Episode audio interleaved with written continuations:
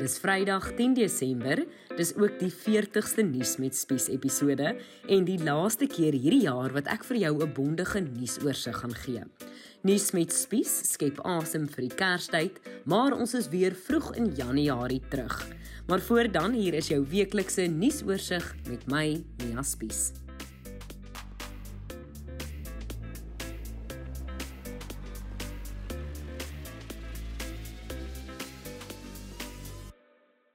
In 'n netedop het nuwe COVID-gevalle skerp gestyg. Die ramptoestand is verleng tot 15 Januarie. Versterkingsdoses van Pfizer en stof goedgekeur vir Suid-Afrika. Kinders bo 12 mag ook 'n opvolgdosis kry. Wetsontwerp misluk om grondonteiening sonder vergoeding moontlik te maak. Oud-president F.W. de Klerk kry 'n staatsroudiens die naweek vind uit wat Suid-Afrikaners die meeste gegoogel het in 2021 en Trompsburg kinders bekoor met Johnny Cash lied. Net voor ons begin, onthou jy kan elke week hierdie podcast in jou WhatsApp inbox kry. Druk net op die skakel in die plasing hierbo. Hoofnuus hierdie week is die COVID-gevalle wat skerp styg. In die jongste oorsigperiode is bykans 22400 nuwe COVID-19 gevalle aangemeld. Dis 'n toetspositiwiteitskoers van 29,8%. Minister in die presidentskap, Mondli Gungubele, sê die syfers word fyn deur die regering dopgehou.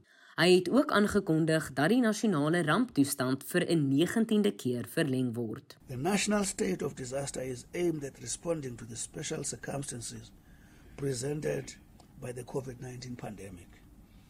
On the festive season, safety, while most of us will be taking a well-deserved festive break, festive break, we must remember that COVID-19 does not take a holiday.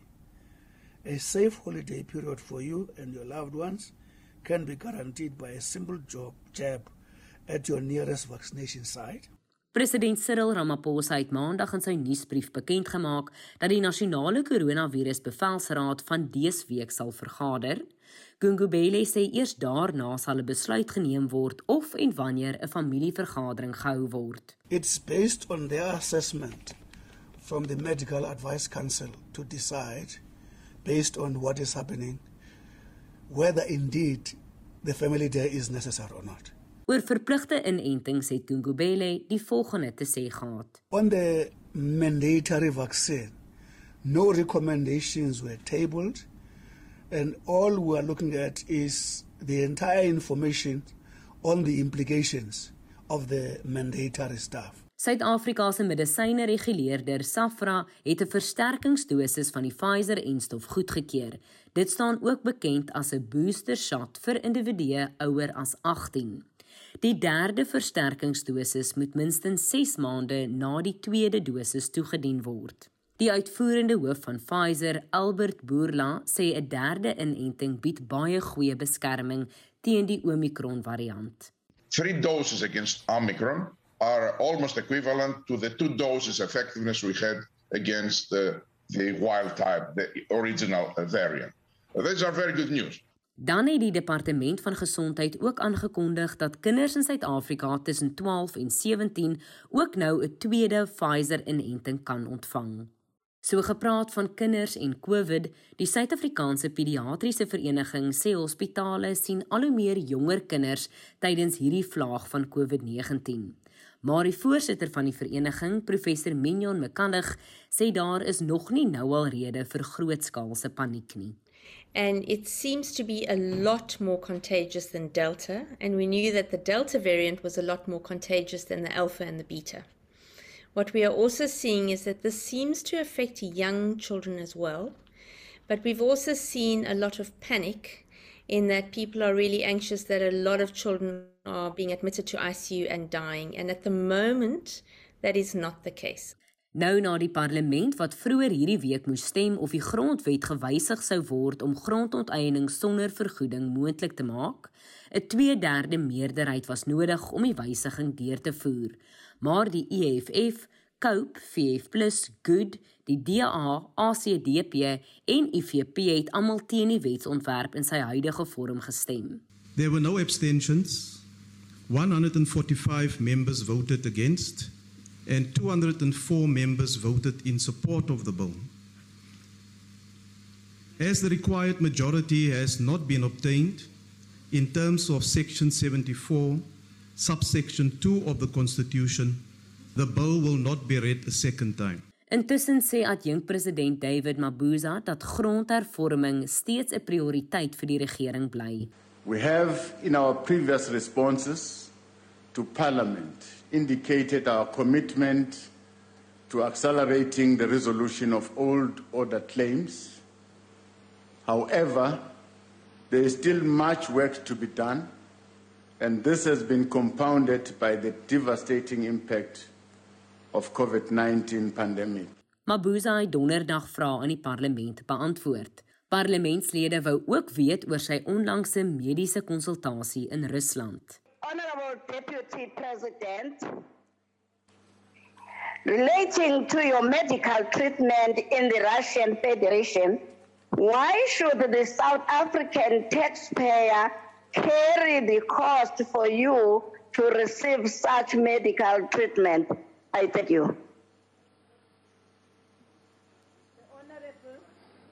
Thank you very much, Honorable Speaker. I've covered the costs uh, of my treatment, the traveling, 100%. No money was paid by the South African government towards my treatment.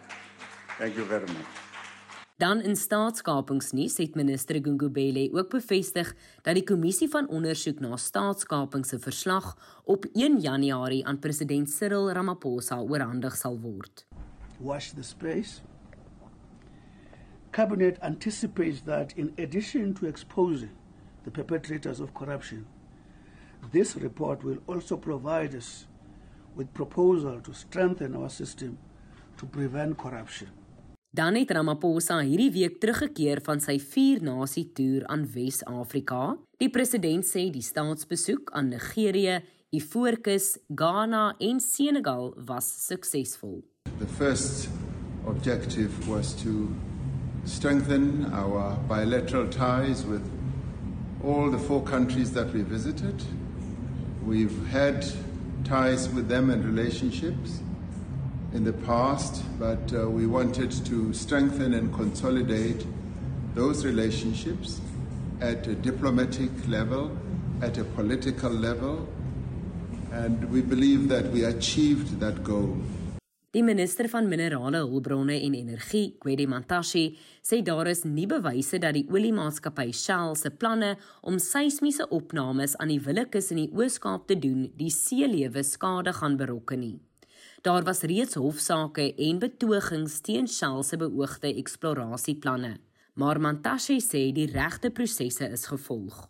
And the potential impact of this to marine life has been studied over over a long time and there is currently no conclusive evidence or any scientific research globally that demonstrates that some seismic surveys have caused irreparable harm to marine life, including mammals and fish.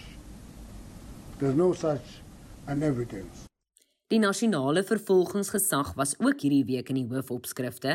Dit is nadat die hoof van die NVG se ondersoekdirektoraat, advokaat Hermion Cronje, haar bedanking ingedien het verlede week.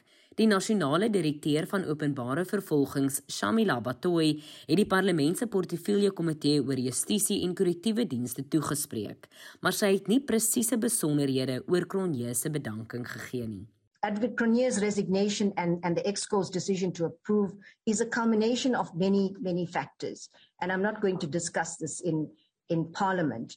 Um, but there has been uh, extensive reporting about the fact that there's been interpersonal relations that affected this. And as I said, in any very, very high stakes, high pressure environment, there's bound to be uh, tensions and, and professional conflicts.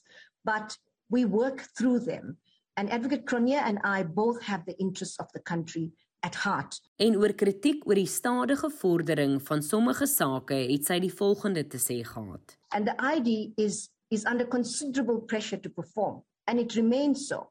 But we cannot respond to pressure. We are we got to act with a sense of urgency, which is what we're doing, But we cannot respond to pressure because that is when we make mistakes. And we cannot afford to make mistakes in the current climate. Dan het die Suid-Afrikaanse ouditeur-generaal Tsakani Maluleke die parlement toegespreek oor die ouditverslae van die nasionale en provinsiale regeringsdepartemente sowel as staatsinstellings. Onreëlmatige uitgawes van 166 miljard rand by nasionale en provinsiale staatsdepartemente en openbare entiteite is in die 2020-2021 boekjaar aangemeld.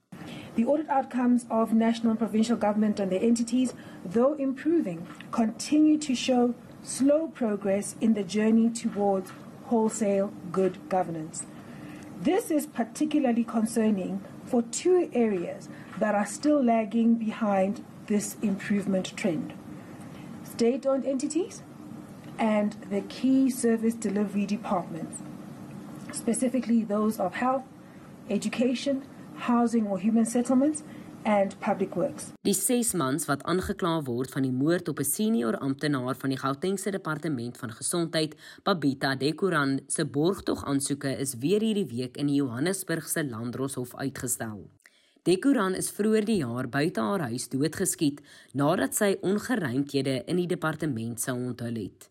Landros Sipho Sabanyoni. Thank you. Remand date for judgment is the 20th of December for judgment set down for 11:30. All six in custody, no bail fixed for all of you. In ander nuus word 'n staatsgedenkdiens eerskomende Sondag in die Grote Kerk in die Kaapse Middestad vir die ontslape oud-president F.W. de Klerk gehou. De Klerk is verlede maand in die ouderdom van 85 aan kanker oorlede. Dan het Google hierdie week bekend gemaak watter soektogte in 2021 die meeste in Suid-Afrika gedoen is. Volgens Google South Africa se 2021 Year in Search was van die top 10 gewildste what is soektogte in Suid-Afrika vanjaar, what is state of emergency, what is ivermectin en what is squid game. En dan van die gewildste how to soektogte in die land was how to register for a vaccine en how to tie a tie. Dan eindig ons in die Vrystaat waar leerders van Trompsburg Primêre Skool se weergawe van 'n Johnny Cash liedjie soos 'n veldbrand op sosiale media versprei. Die 12-jarige Montli Pizzo agter die mikrofoon en twee boeties, 12-jarige Isak en 9-jarige Kala Dabar op klavier en kitaar, het by hulle skool se prysuitdeling met hulle weergawe van Folsom Prison Blues diep in Suid-Afrikaners se harte gekruip. 'n Video daarvan is al meer as 'n half miljoen keer gekyk. Luister hierna 'n stukkie.